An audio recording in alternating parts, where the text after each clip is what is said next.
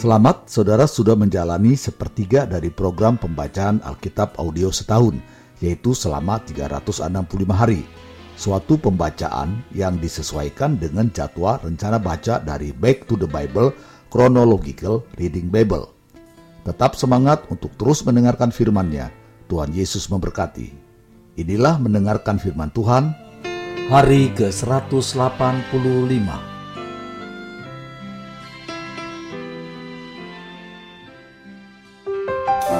Dua Raja-Raja pasal 9 ayat 1 sampai 15. Yehu menjadi raja Israel.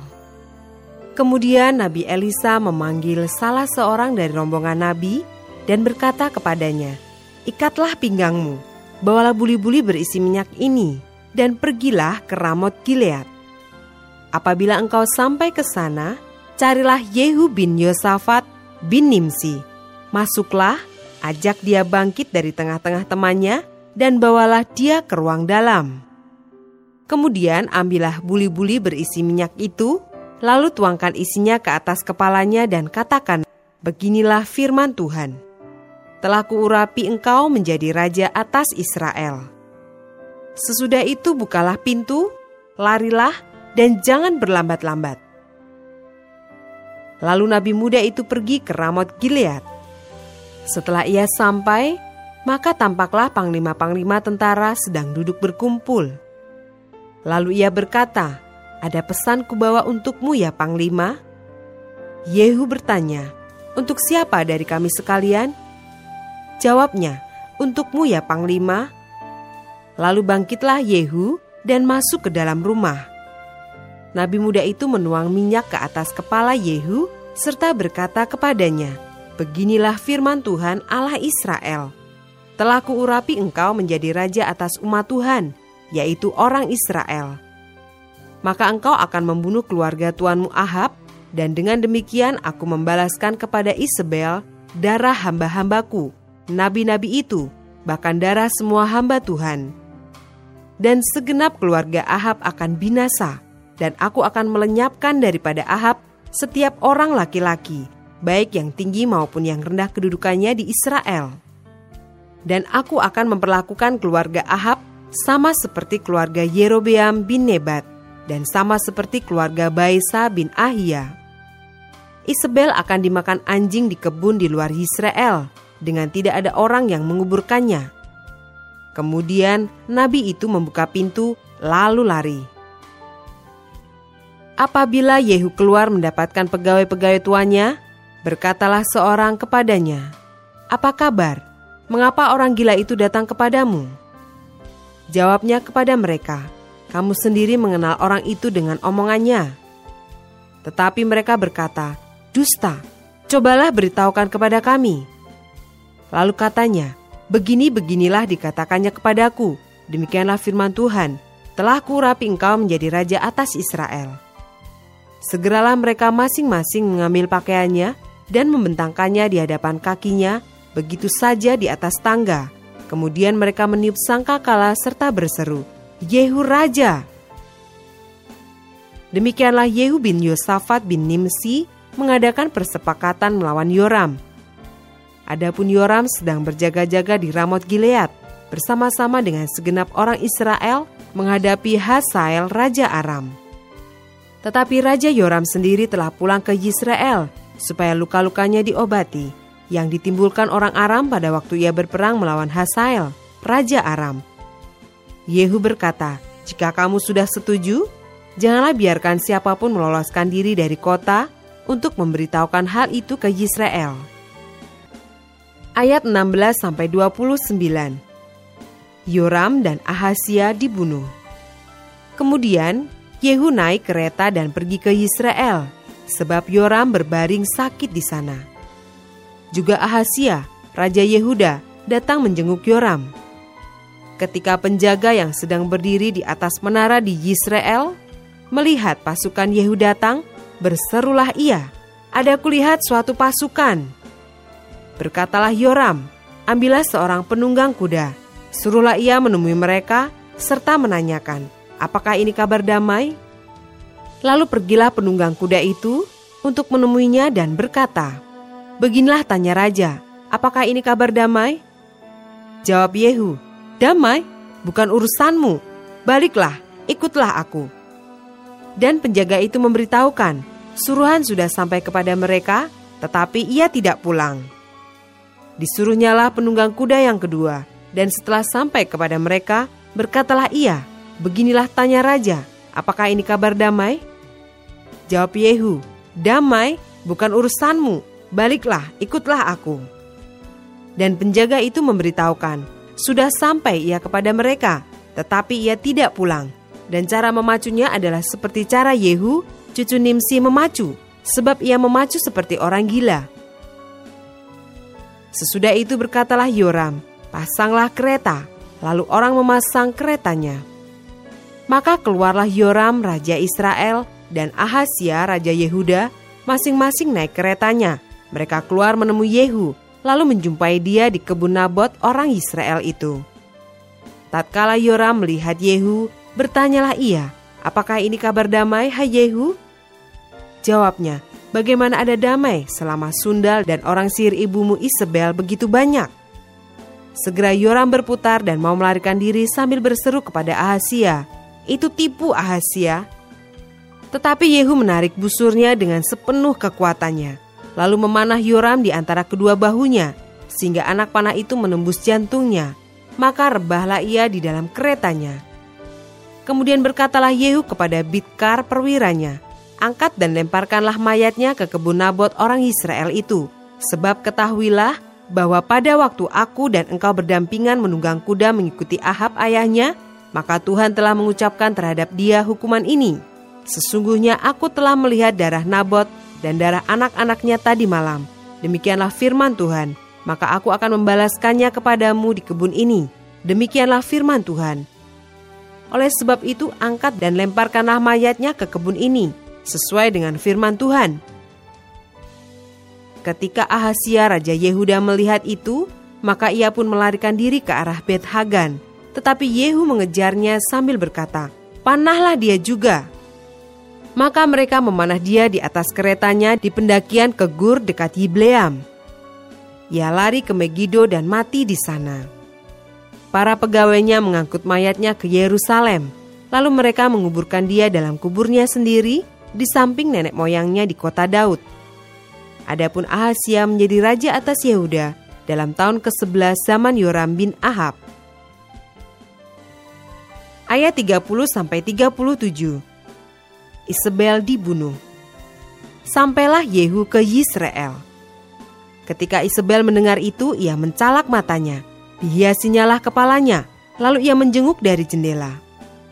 Pada waktu Yehu masuk pintu gerbang, berserulah Isabel, Bagaimana, selamatkah Zimri, pembunuh tuannya itu? Yehu mengangkat kepalanya melihat ke jendela itu dan berkata, Siapa yang di pihakku? Siapa? Dan ketika dua tiga orang pegawai istana menjenguk kepadanya, ia berseru, Jatuhkanlah dia. Mereka menjatuhkan dia, sehingga darahnya memercik ke dinding dan ke kuda. Mayatnya pun terinjak-injak. Yehu masuk ke dalam, lalu makan dan minum. Kemudian ia berkata, Baiklah urus mayat orang yang terkutuk itu, dan kuburkanlah dia sebab ia memang anak raja. Mereka pergi untuk menguburkannya, tetapi mereka tidak menjumpai mayatnya, hanya kepala dan kedua kaki dan kedua telapak tangannya. Mereka kembali memberitahukan kepada Yehu, lalu ia berkata, Memang begitulah firman Tuhan yang diucapkannya dengan perantaraan hambanya Elia, orang Tisbe itu, di kebun di luar Israel akan dimakan anjing daging Isabel. Maka mayat Isabel akan terhampar di kebun di luar Israel seperti pupuk di ladang, sehingga tidak ada orang yang dapat berkata, inilah Isabel. 2 Raja-Raja pasal 10 ayat 1 sampai 17. Yehu memunahkan keluarga Ahab. Ahab mempunyai 70 orang anak laki-laki di Samaria. Yehu menulis surat dan mengirimnya ke Samaria kepada pembesar kota itu, kepada para tua-tua dan kepada para pengasuh anak-anak Ahab, bunyinya, Sekarang segera sesudah surat ini sampai kepadamu, kamu yang mempunyai anak-anak tuanmu di bawah pengawasanmu, lagi pula mempunyai kereta dan kuda dan kota yang berkubu serta senjata, maka pilihlah seorang yang terbaik dan yang paling tepat dari antara anak-anak tuanmu, lalu dudukanlah dia di atas tahta ayahnya, kemudian berperanglah membela keluarga tuanmu. Tetapi mereka sangat takut dan berkata, sedangkan kedua raja itu tidak dapat bertahan menghadapinya. Bagaimana mungkin kita ini dapat bertahan? Sebab itu kepala istana dan kepala kota, juga para tua-tua dan para pengasuh, mengirim pesan kepada Yehu bunyinya, Kami ini hamba-hambamu, dan segala yang kau katakan kepada kami akan kami lakukan. Kami tidak hendak mengangkat seseorang menjadi raja. Lakukanlah apa yang baik menurut pemandanganmu. Kemudian Yehu menulis surat untuk kedua kalinya kepada mereka.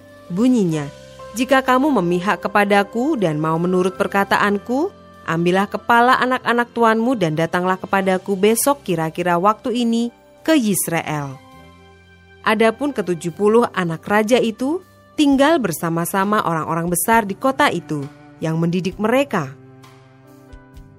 Tatkala surat itu sampai kepada mereka, mereka mengambil anak-anak raja itu, menyembelih ketujuh puluh orang itu, menaruh kepala orang-orang itu ke dalam keranjang, dan mengirimkan semuanya kepada Yehudi Yisrael.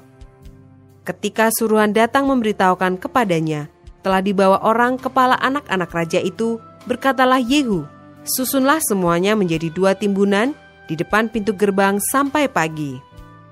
Pada paginya keluarlah Yehu, berdirilah ia, lalu berkata kepada segenap orang banyak, Kamu ini tidak bersalah.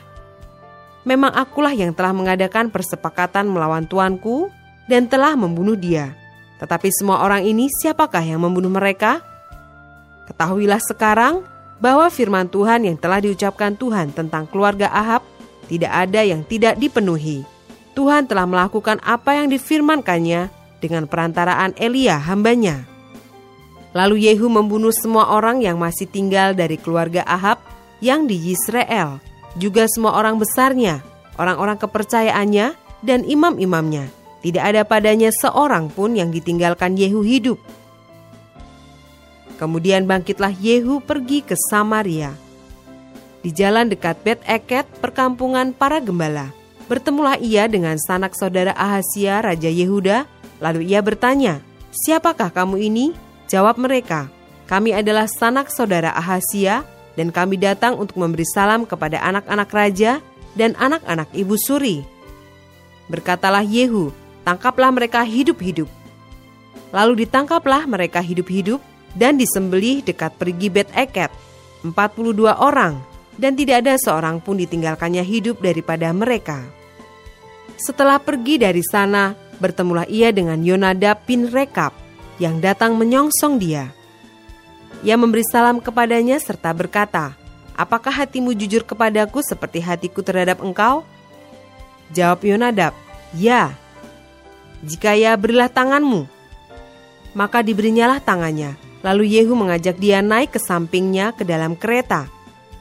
Berkatalah Yehu, marilah bersama-sama aku, supaya engkau melihat bagaimana giatku untuk Tuhan. Demikianlah Yehu membawa dia dalam keretanya. Setelah Yehu sampai di Samaria, maka ia membunuh semua orang yang masih tinggal dari keluarga Ahab di Samaria, ia memunahkannya sesuai dengan firman yang diucapkan Tuhan kepada Elia. Ayat 18 sampai 36. Yehu menghapuskan penyembahan Baal. Kemudian Yehu mengumpulkan seluruh rakyat, lalu berkata kepada mereka, Adapun Ahab masih kurang beribadah kepada Baal, tetapi Yehu mau lebih hebat beribadah kepadanya.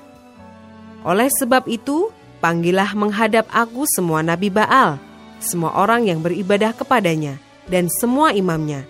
Seorang pun tidak boleh tidak hadir, sebab aku hendak mempersembahkan korban yang besar kepada Baal. Setiap orang yang tidak hadir tidak akan tinggal hidup.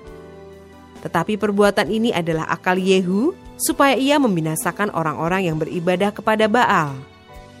Selanjutnya Yehu berkata, Tentukanlah hari raya perkumpulan kudus bagi Baal. Lalu mereka memaklumkannya. Yehu mengirim orang ke seluruh Israel. Maka datanglah seluruh orang yang beribadah kepada Baal, tidak seorang pun yang ketinggalan. Lalu masuklah semuanya ke dalam rumah Baal, sehingga rumah itu penuh sesak dari ujung ke ujung. Kemudian berkatalah Yehu kepada orang yang mengepalai gudang pakaian, "Keluarkanlah pakaian untuk setiap orang yang beribadah kepada Baal." Maka dikeluarkannyalah pakaian bagi mereka.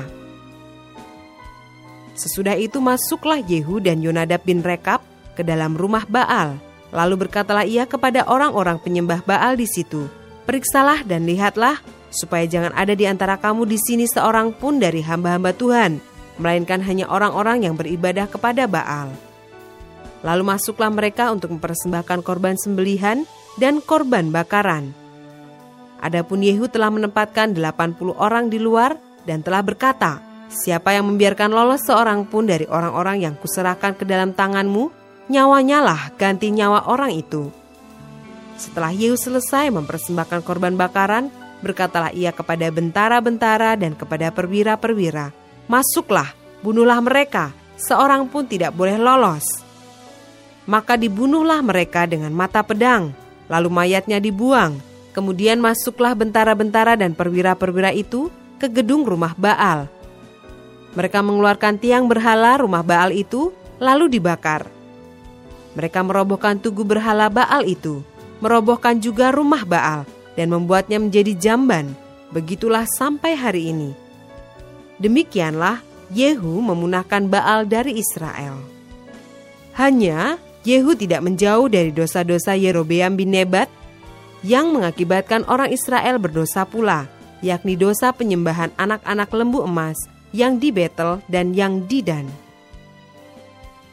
Berfirmanlah Tuhan kepada Yehu, oleh karena engkau telah berbuat baik dengan melakukan apa yang benar di mataku, dan telah berbuat kepada keluarga Ahab tepat seperti yang dikehendaki hatiku, maka anak-anakmu akan duduk di atas tata Israel sampai keturunan yang keempat.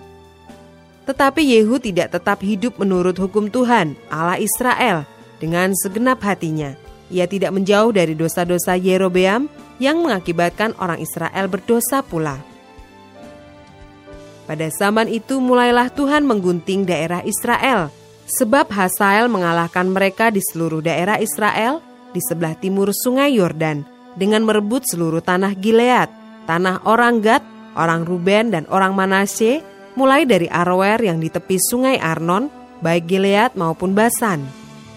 Selebihnya dari riwayat Yehu dan segala yang dilakukannya dan segala kepahlawanannya, bukankah semuanya itu tertulis dalam kitab sejarah raja-raja Israel? Kemudian Yehu mendapat perhentian bersama-sama dengan nenek moyangnya dan ia dikuburkan di Samaria. Maka Yoahaz anaknya menjadi raja menggantikan dia. Adapun lamanya Yehu menjadi raja atas Israel di Samaria adalah 28 tahun.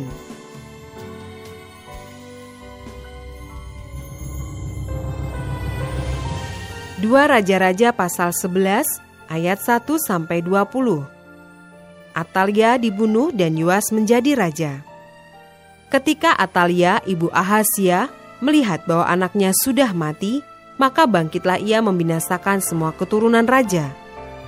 Tetapi Yoseba, anak perempuan Raja Yoram, saudara perempuan Ahasia, mengambil Yoas bin Ahasia, menculik dia dari tengah-tengah anak-anak raja yang hendak dibunuh itu, memasukkan dia dengan inang penyusunya ke dalam gudang tempat tidur, dan menyembunyikan dia terhadap Atalia, sehingga dia tidak dibunuh. Maka tinggallah dia enam tahun lamanya bersama-sama perempuan itu dengan bersembunyi di rumah Tuhan, sementara Atalia memerintah negeri. Dalam tahun yang ketujuh, Yoyada mengundang para kepala pasukan seratus dari orang Kari dan dari pasukan bentara penunggu. Disuruhnyalah mereka datang kepadanya di rumah Tuhan, lalu diikatnya perjanjian dengan mereka dengan menyuruh mereka bersumpah di rumah Tuhan. Kemudian diperlihatkannyalah anak raja itu kepada mereka. Sesudah itu ia memerintahkan kepada mereka, inilah yang harus kamu lakukan. Sepertiga dari kamu, yakni yang selesai bertugas pada hari sabat di sini, tetapi mengawal di istana raja.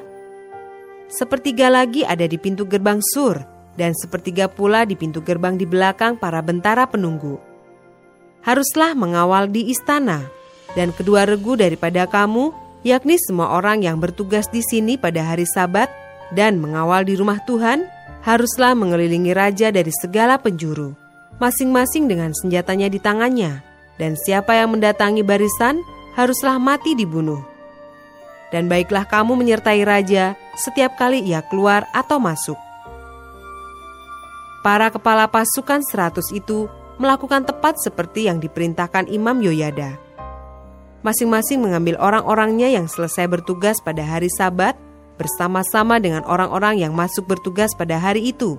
Lalu datanglah mereka kepada Imam Yoyada.